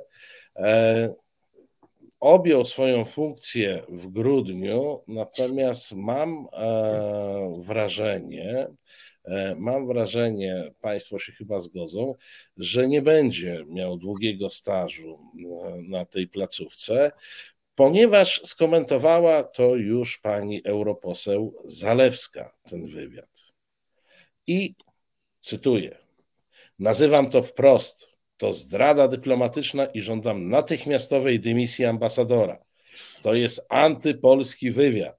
W dodatku ambasador uznaje za stosowne, żeby swojego pierwszego wywiadu na temat bardzo bolesnej sprawy, jaką jest kwestia kopalni Turów, udzielić niemieckiemu medium. On nie powinien być ambasadorem ani minuty dłużej. Dłużej powiedziała pani e, europosłanka mm, Zaleska w, wypowiedzi dla portalu, chyba w polityce albo sieci. Mm, proszę Państwa, ambasador mm, powiedział to, o czym mówimy od początku y, konfliktu e, tureckiego. E, sprawa naprawdę jest bardzo techniczna i była do załatwienia naprawdę na bardzo niskim e, szczeblu. Wystarczyłoby potraktować Czechów narażonych na e, niedogodności związane z mm, budową nowego wyrobiska w ten sposób, w taki sposób, w jaki traktuje się tereny po polskiej stronie, co wynika z, prawodawstwa polskiego, czyli e, zrobić wszystko, aby zminimalizować szkody bądź zlikwidować ich skutki. Zatem, jeśli tam wody w studniach nie było, to po polskiej stronie buduje się wodociąg i tak naprawdę o wodociąg cały ten konflikt e, poszedł e, o zupełnie drobną w skali działalności takiej kopalni i takiego przedsiębiorstwa jak PGE e, inwestycje. Zrobiono z tego konflikt o charakterze międzynarodowym i w tej chwili zdaje się, że pan ambasador skończy karierę tylko dlatego, tylko dlatego, że powiedział prawdę. Prawdę, którą tak naprawdę wszyscy znamy. Być może nawet zna pani Zalewska, e, no ale uznała, że jak polski ambasador może się wypowiadać dla niemieckiego medium. Ja też podkreślam ten aspekt, że jak to Polak rozmawia z niemiecką e, gazetą. No tam ten sufit, który spada im na głowę, to im spada chyba teraz systematycznie z taką częstotliwością młota pneumatycznego. Hmm. No cóż, e, znaczy to no współczuję, no będziesz miał ambasadora na sumieniu, no bo no, jak wiesz, nasz program jest e, monitorowany bardzo wnikliwie przez polexitowców, więc e, no cóż, to Marcina w takim razie odpowiedzialność. No ale co, gratuluję w każdym bądź razie. Ja uważam, że ta, takich ludzi należy stawać, stawiać jako wzór i bardzo dziękuję, że, że tak, no, że cieszę się, że mamy takiego ambasadora. Swoją drogą, tak, tak między nami mówiąc, jak to wyszło po tylu latach e, dobrozmianowych rządów, że e, oni kogoś kompetentnego gdzieś nominowali, to jestem w szoku. To dawna się nie zdarzyło. Nie mieliśmy takiego przykładu. No to jakiś błąd w Matrixie, drodzy Państwo.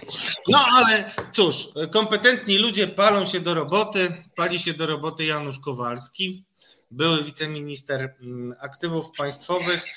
Mm, mówi się, że ma chrapkę na stanowisko, uwaga, e, sekretarza stanu e, w KPRM-ie odpowiedzialnego za sprawy europejskie, czyli tak. Wow, wow, no mega specjalista. Nie, no to, to no w tym momencie jestem już wbity w ziemię.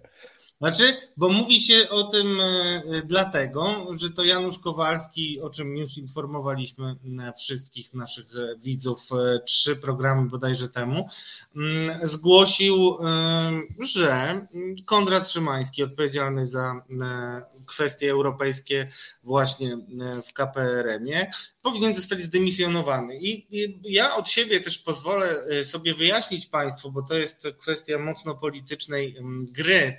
Więc Konrad Szymański znalazł się na celowniku, e, dlatego, żeby ten celownik przypadkiem nie spotkał Zbigniewa Ziobro, bo Konrada Szymańskiego oskarża Solidarna Polska o to, że nie wpłynęły do nas pieniądze z KPO.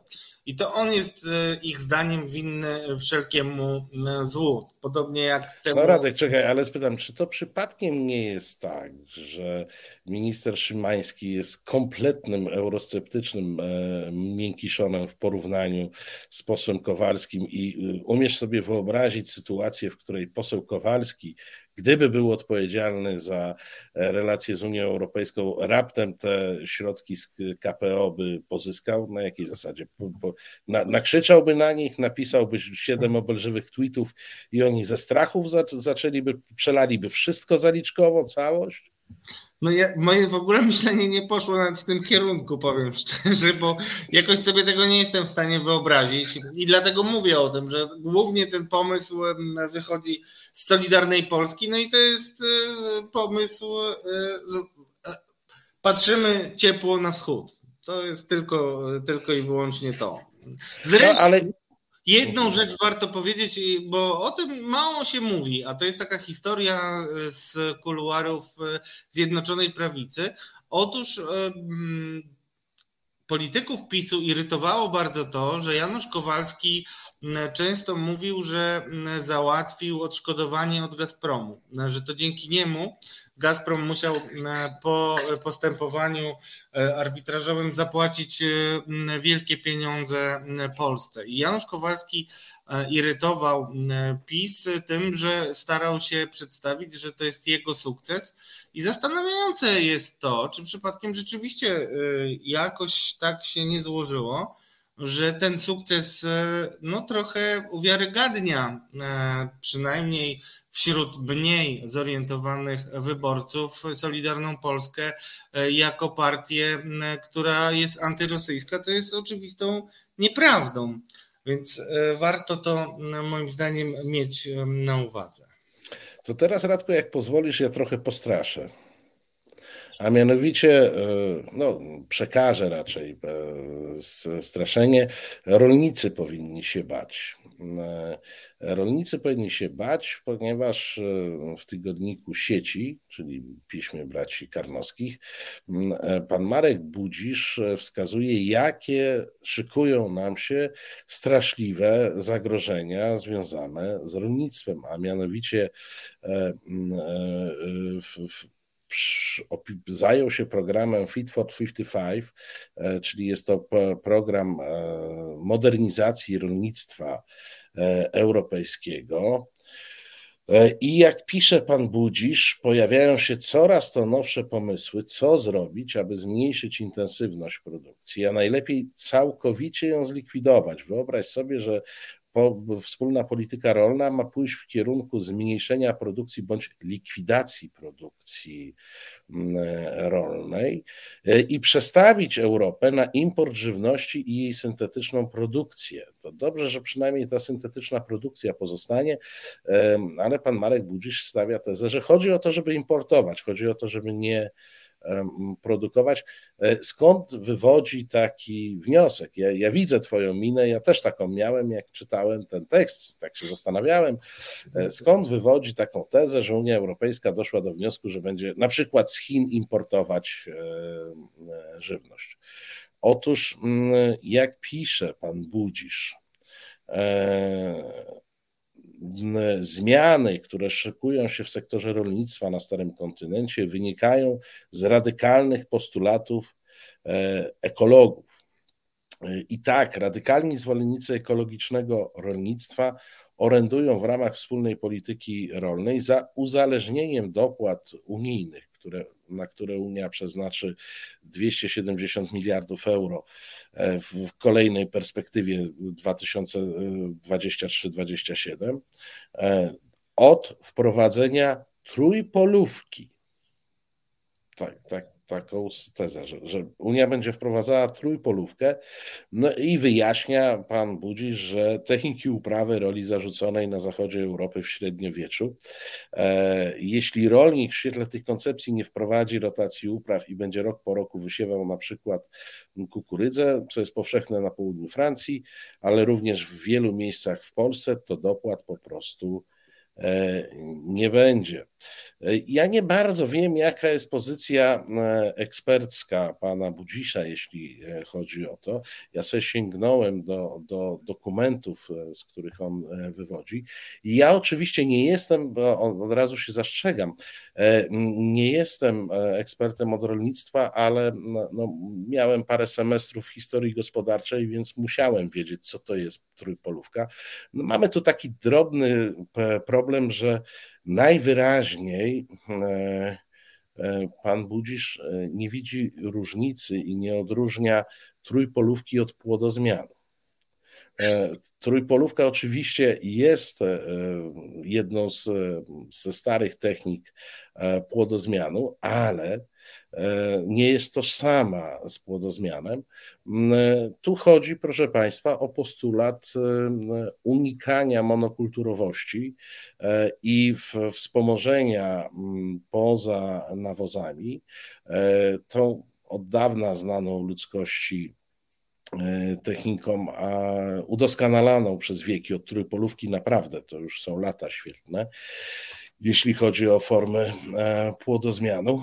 E, e, takie przypadki, o czym pan Budzisz może nie wiedzieć, braku płodozmianu były bardzo wyraźnie i negatywnych skutków braku płodozmianu były bardzo widoczne w Związku Sowieckim. I na przykład tereny Kazachstanu musiały się długo odbudowywać po monokulturze e, bawełny. E, e, w Chinach mieliśmy też takie, takie sytuacje.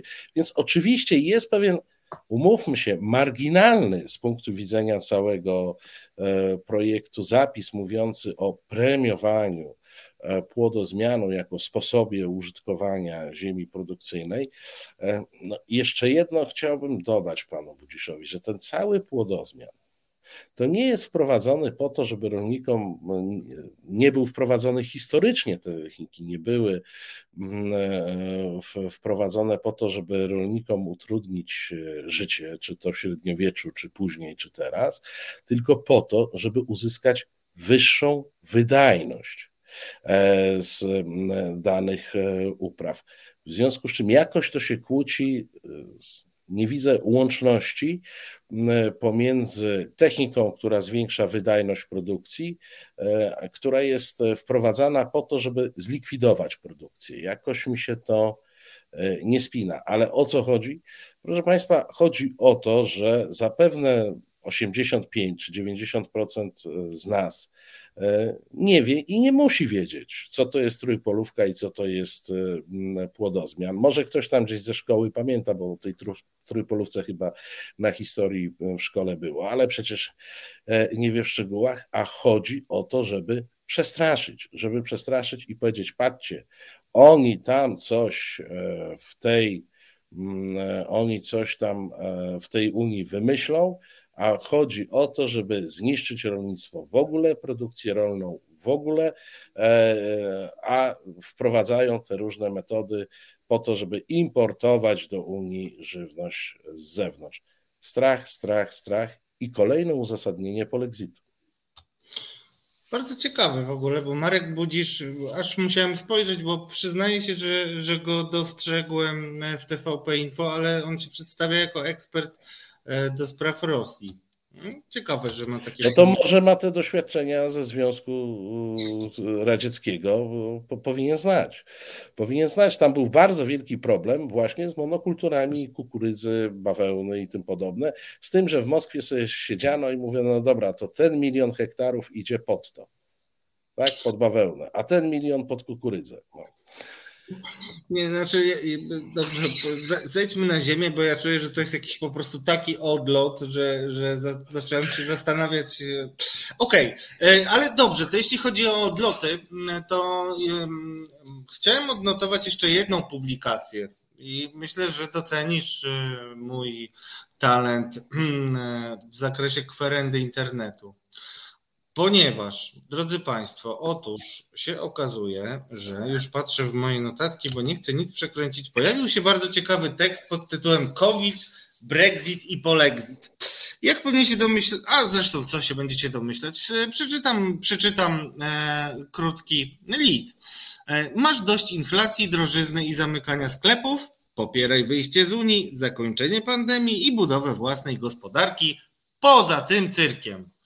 Drodzy Państwo, no nie jest to y, taka jakaś y, specjalnie odkrywcza, e, no nie wiem jak to powiedzieć, y, melodia, ale co ważne, mm, no nie zgadniesz, kto to popełnił, bo to jest polityk, o którym mówiliśmy wielokrotnie e, i zwracam na to uwagę, bo jest to były polityk partii Zmiana, o którym zresztą wielokrotnie e, mówił Tomasz Piątek, bo to nie byle jaka postać spośród. Ale mówisz, mówisz o polityku Konradzie?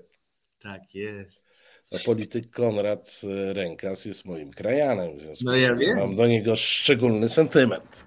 No właśnie. No i właśnie Konrad Rękas, e, no ręka w rękę e, z mm, kolegami z PiSu. Mm, znaczy, używa bardzo podobnych argumentów. Ja nie będę Państwu E, tych argumentów serwował, dlatego e, przeczytałem ten taki e, jednozdaniowy pasus z tekstu pana Golonki, bo to mniej więcej tego typu przemyślenia, które no naprawdę wymagają dużej tolerancji w zakresie no, podejścia do logiki wypowiedzi i tak dalej, ale to jest dla mnie jednak istotne, że 5 stycznia data 5, piąty dzień stycznia 2022 roku Konrad Rękas przemówił i mówi językiem PiSu, tylko już otwarcie nawołuje do e, wyjścia z Unii Europejskiej. Bardzo podobnie mówi e, też e, naczelny najwyższego czasu,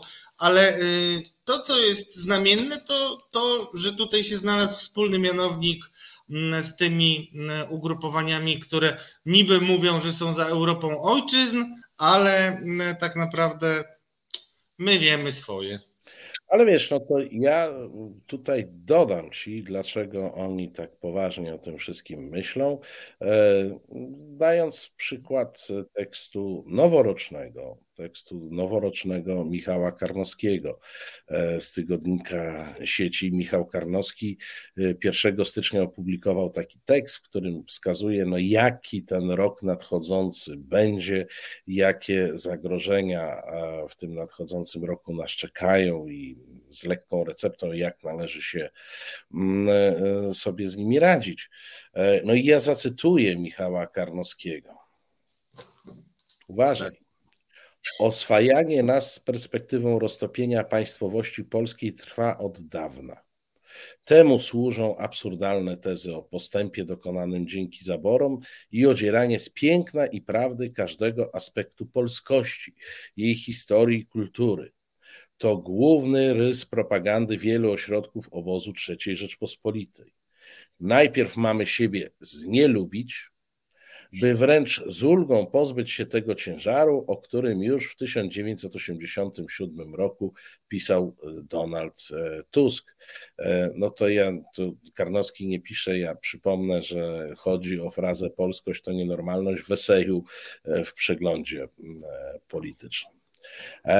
Ale to jest tylko jedno ramię to zohydzanie polskości i oswajanie nas z perspektywą roztopienia państwowości. Drugim ramieniem imadła jest brutalna presja instytucji europejskich, które pod dyktando niemieckie, długo z przyzwoleniem Francji, e, depczą reguły i traktaty wspólnoty europejskiej. Naga siła, wulgarny szantaż ma nas zmusić do akceptacji bezprawnych wyroków TSUE dotyczących obszarów wyraźnie zarezerwowanych dla państw narodowych. Komisja Europejska też się rozpycha, ustanawiając się jakimś zarządem nad prowincjami, landami. No i e, pan Karnowski pisze e, dalej. W roku 2021 zjawiska te przybrały na sile tak mocno, że nie ma już złudzeń co do celu tej przemocy. Chodzi o skokowe, bezprawne, bezwzględne egzekwowanie, zredukowanie państwowości większości państw narodowych. Nie wszystkich, ale większości i zwłaszcza z Europy Środkowo-Wschodniej. E, pan Karnowski uważa, że się nie poddamy tej brutalnej przemocy, e, bo pisze, dla historycznych narodów jak Polacy, rozpuszczenie się w czymś takim to kiepska oferta. E, to też prosta droga do rozbicia jedności kontynentu europejskiego, e, potężnych perturbacji, możliwe, że i wojen. Niestety, niemieckie elity nie wyciągnęły chyba wniosków z historii. Znowu sięgają po więcej niż mogą strawić, po tak dużo, że musi to wywołać e, opór. Receptą jest zjednoczenie się wokół partii rządzącej, więc tego już nie będę e, cytował. E, uwaga ogólna, mm, trzymajcie się Państwo mocno. Patrząc na to wszystko, musimy mieć świadomość, iż w tym roku szczególnie mocno musimy pilnować Polski. Wchodzimy w czas silnego ataku na świętą dla nas niepodległość. No, no, Chciałbyś skomentować? Nie, no, mi, mi trochę mowę o, o odebrało i ja będę postulował jednak y, przerwę muzyczną, bo ja nie wiem, na, na, na, przemian płaczę i się śmieję i muszę dojść do siebie, bo to jest już Proszę poziom... Państwa, no to, to robimy chwilę oddechu na refleksję. Sexpress z pontonem. Następna stacja seks, antykoncepcja, zdrowie, ciało, edukacja seksualność, prawa, tożsamość. W trakcie jazdy zapraszamy do rozmów bez tabu. W bezpiecznej atmosferze dyskutujemy na temat spraw związanych z seksem i seksualnością.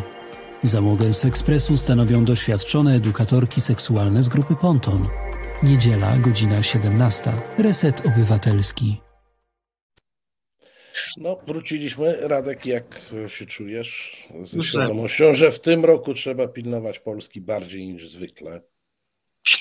E, no, cieszę się bardzo, że te słowa padły, bo one mi się kojarzą z, ze zgrillowanym już politykiem. E, więc, ale do tego za sekundkę wrócimy.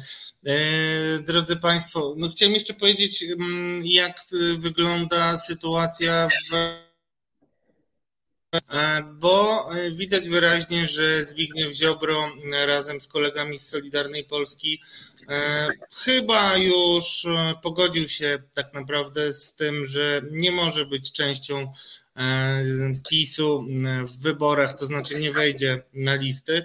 No i walczy ten najtwardszy elektorat, oczywiście podszczypując premiera. Teraz żąda już, e, żeby e, Polska e, wyszła z polityki klimatycznej. To już jest jego twarde żądanie. Ministerstwo Sprawiedliwości przygotowało nawet wniosek podobno, który skierowało do Komisji Europejskiej. Jeszcze niewiele o tym wiemy, ale widać wyraźnie, że to jest no, coraz bardziej radykalny przekaz, najprawdopodobniej mający na celu no, odsunięcie znaczy walkę o elektorat Konfederacji, mówiąc wprost, bo wcale Konfederaci się nie palą do tego, żeby, żeby Y, łączyć się z y, Solidarną Polską. Natomiast y, i ja już to parokrotnie mówiłem, że jeśli chodzi o ewentualne alianse ludzi antyunijnych, polityków antyunijnych, to Zbigniew Ziobro ma jedną, jedną grupę polityków Konfederacji, z którą ma dobre relacje i zwrócił moją uwagę, drodzy Państwo, wpis Janusza Kowalskiego także, E, który na Twitterze e, no, podał wpis z kolei pana Roberta Winnickiego, e, gdzie cieszył się, że Konfederacja ma, zgadza się z linią Solidarnej Polski. I to jest istotna rzecz. Janusz Kowalski napisał: To ważne, że Konfederacja popiera postulaty Solidarnej Polski w sprawach dotyczącej antyspołecznej polityki klimatycznej Unii Europejskiej. Dziękuję za poparcie w 2021 sejmowych uchwał klubu PiS z inicjatywy Solidarnej Polski w sprawach Nord Stream i unijnego systemu handlu emisjami. I to jest właśnie, mm, drodzy Państwo, e, mm, komentarz do tweeta Roberta Winnickiego, który życzył sobie i wszystkim zatrzymania wzrostu cen, zatem przede wszystkim obniżki szalejących cen energii, która jest jednym z głównych czynników e, inflacji, co logiczne wynika Życzę Polsce, by w 2020 roku na zawsze odrzucić politykę klimatyczno-energetyczną Unii Europejskiej. I to jest ta jedyna grupa z Konfederacji, która może współpracować e, z Solidarną e, Polską, co wskazuje na to, że przy mm, wariancie wcześniejszych wyborów możemy mieć dwie e, eurosceptyczne, jedną może antyunijną nawet, a drugą eurosceptyczną partię, no, ciekawe, y, czy idąc osobno będą w stanie zebrać większe mm, poparcie. To jest. No ale Radku, chyba powinniśmy zmierzać w kierunku e, naszego ulubionego punktu programu, e, czyli wyboru polexitowca. E, pozwolić, że ja zacznę, bo mm, przypomniała o sobie pewna gwiazda, jedna z ulubionych moich polityczek e, szeroko rozumianego obozu z Zjednoczonej e, Prawicy. Nie wiem, czy Państwo pamiętacie panią Beatę Kempę. To była ta minister, która, od której zaczęło się, zaczął się konflikt o praworządność, która nie publikowała wyroków. Otóż przypomniała o sobie, udzieliła wypowiedzi. E, właśnie patrzę, to do rzeczy, tak, portalowi do rzeczy.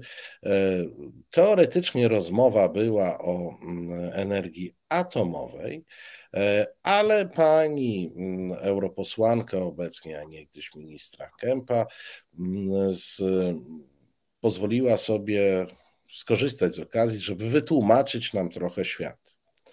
I tu cytuję. Według założeń Europa ma się opierać na gazie, założeń polityki energetycznej projektowanej w Komisji Europejskiej, który przed Nord Stream 2 e, będzie płynąć przez Niemcy. Nie wiem dlaczego przez Nord Stream 1 nie, a akurat przez 2 będzie płynąć przez Niemcy. I oni będą na tym zarabiać. E, atom może zburzyć ten plan w momencie, kiedy nam zabraknie tych nośników, mowa o gazie. To będą mogli na tym skorzystać, przesyłając gaz do nas. Mm, e, to jest strzał w plecy. E, dlatego będą próbować torpedować uznanie atomu za, za źródło energii. Kto odpowiada za wzrost cen energii w Europie? Zadaje pytanie dziennikarz do rzeczy. Największym winowajcą jest handel emisjami. To przez ten system zażynane są europejskie gospodarki. Jest to system groźny dla Polski, dla naszych kopalni i elektrowni, dlatego że nie przystosujemy naszej gospodarki do oczekiwanych wymogów w tak krótkim czasie. Nie pada tu pytanie, które ciśnie się na usta a w zasadzie co żeście zrobili w tak krótkim czasie, czy zrobiliście cokolwiek, żeby dostosowywać. E, za wysokie ceny emisji płacą nasze firmy oraz podatnicy. Jako Solidarna Polska od dawna o tym alarmowaliśmy. To nasze ugrupowanie jest, było autorem uchwały, która została poparta przez PiS i zobligowała polski, polski rząd do zawieszenia systemu e, opłat. Mm, tutaj umyka pani europosłance, że wpływy z tych opłat zasilają e, środki, którymi dysponuje rząd polski. E, I tymi środkami można dysponować, na przykład wykonując inwestycje dostosowujące e, polską energetykę do rozwiązań niskoemisyjnych czy bezemisyjnych, albo na przykład e, wprowadzić mechanizmy rekompensujące wysokie ceny. Mm, pytanie o to, w jaki sposób zostały środki z tych opłat e, z handlu emisjami wykorzystane, e, nadal pozostaje bez odpowiedzi. Dalej pani Beata, to już ostatni cytat, apeluje do nas. Nie możemy być naiwni toczy się ogromna gra interesów potężnych graczy, takich jak Niemcy i Francja. Niemcy walczą o wiatraki i gaz, a Francja o technologię jądrową. Zobaczmy, i tu trzymaj się krzesła, co w tej chwili dzieje się z Turowem. Skąd ten Turów pomiędzy gazem, wiatrakami a elektrownią jądrową, nie wiem. To tylko namiastka tego, e, do czego prowadzi walka o interesy uruchamia się potężne narzędzia, które mają pomóc wygrać grę gospodarczą i mogą uderzyć w Polskę lub Węgry. E, to jest, proszę Państwa, e, klasyka e, gatunku. W zasadzie nie wiadomo, o czym pani europoseł Kempa mówi i w jaki sposób ja problem, tak problem, i w jaki sposób problem Turowa jest zamieszany w wielką rozgrywkę Niemiec i Francji o mm, priorytety energetyczne pomiędzy energią jądrową a e, źródłami odnawialnymi czy e, gazem.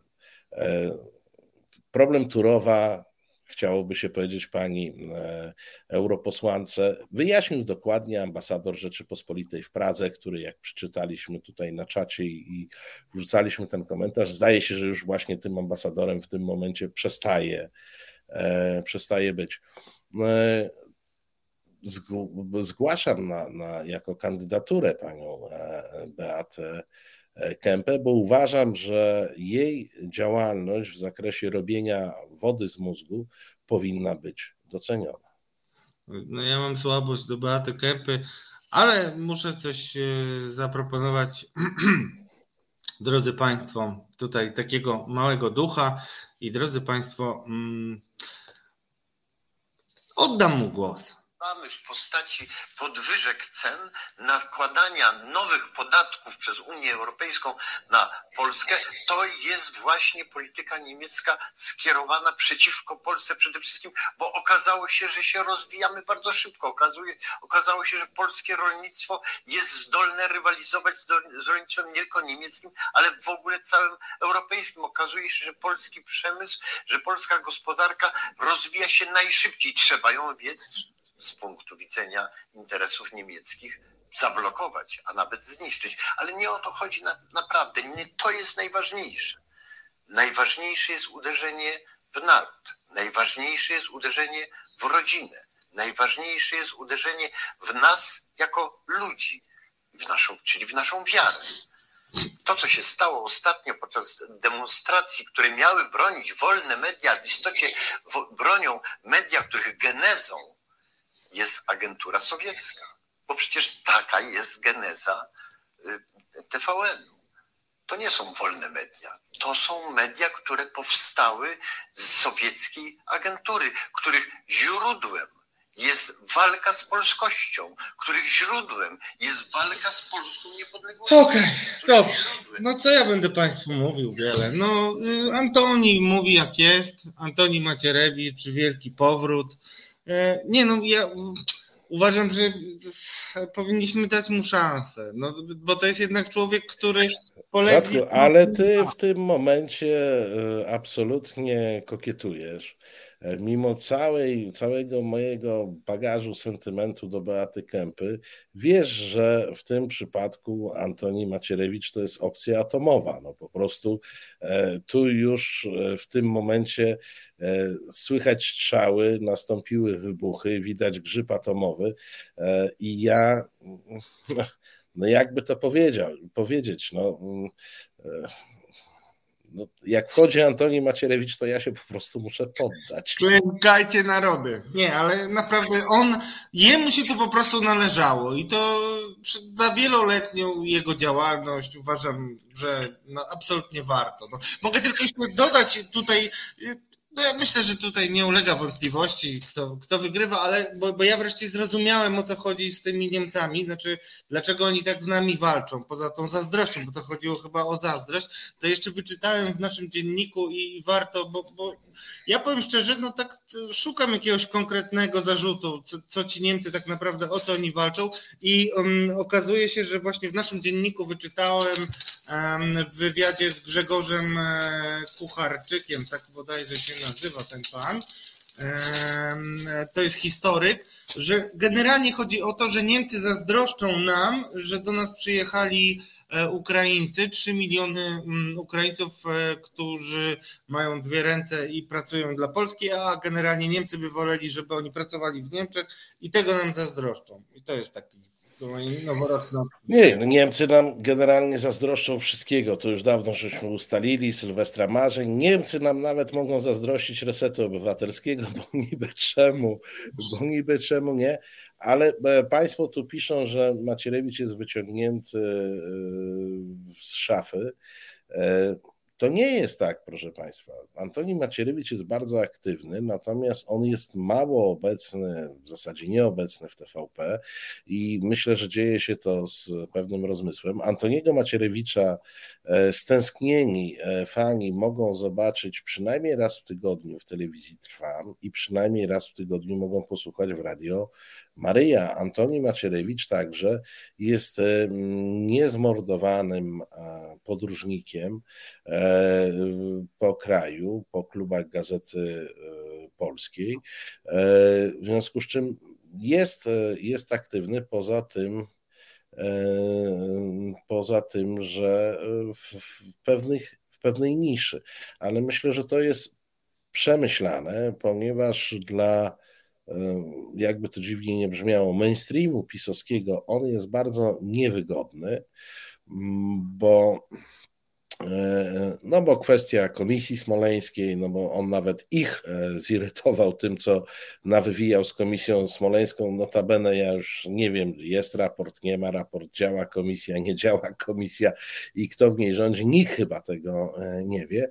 Natomiast jest absolutnym bożyszczem dla środowisk skupionych w klubach Gazety Polskiej i dla środowisk wokół Tadeusza Rydzyka. Sami Państwo muszą zrozumieć, bo tu ktoś napisał, że koniec świata poddałem się bez walki.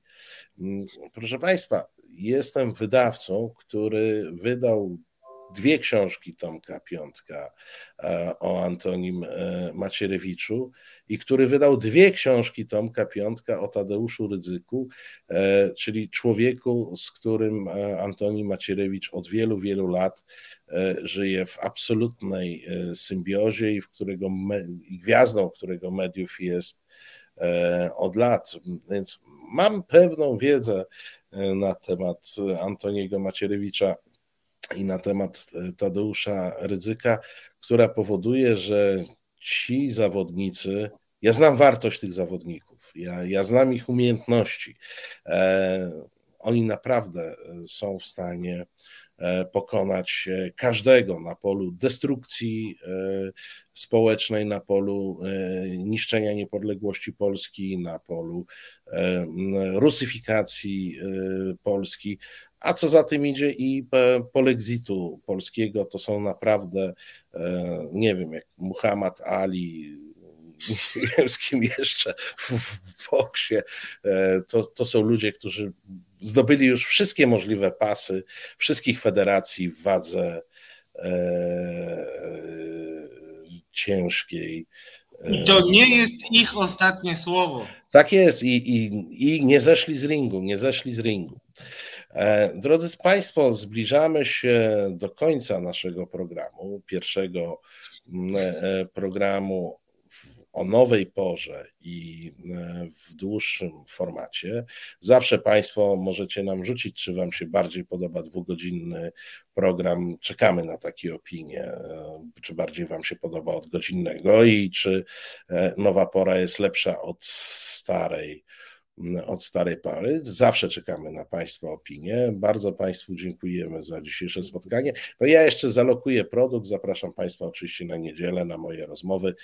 E, w pierwszej e, godzinie mm, porozmawiam z Andrzejem Krajewskim o telewizji, bo o telewizji ostatnio było głośno. Mówię o tej telewizji, która jest medium rządowym. E, z maili Dworczyka zobaczyliśmy, jak e, redaktor e, Olechowski robi to, co do niego należy. A na dzisiaj co, Radku? No, dziękujemy Państwu i zapraszamy za tydzień. Dziękujemy. Do zobaczenia.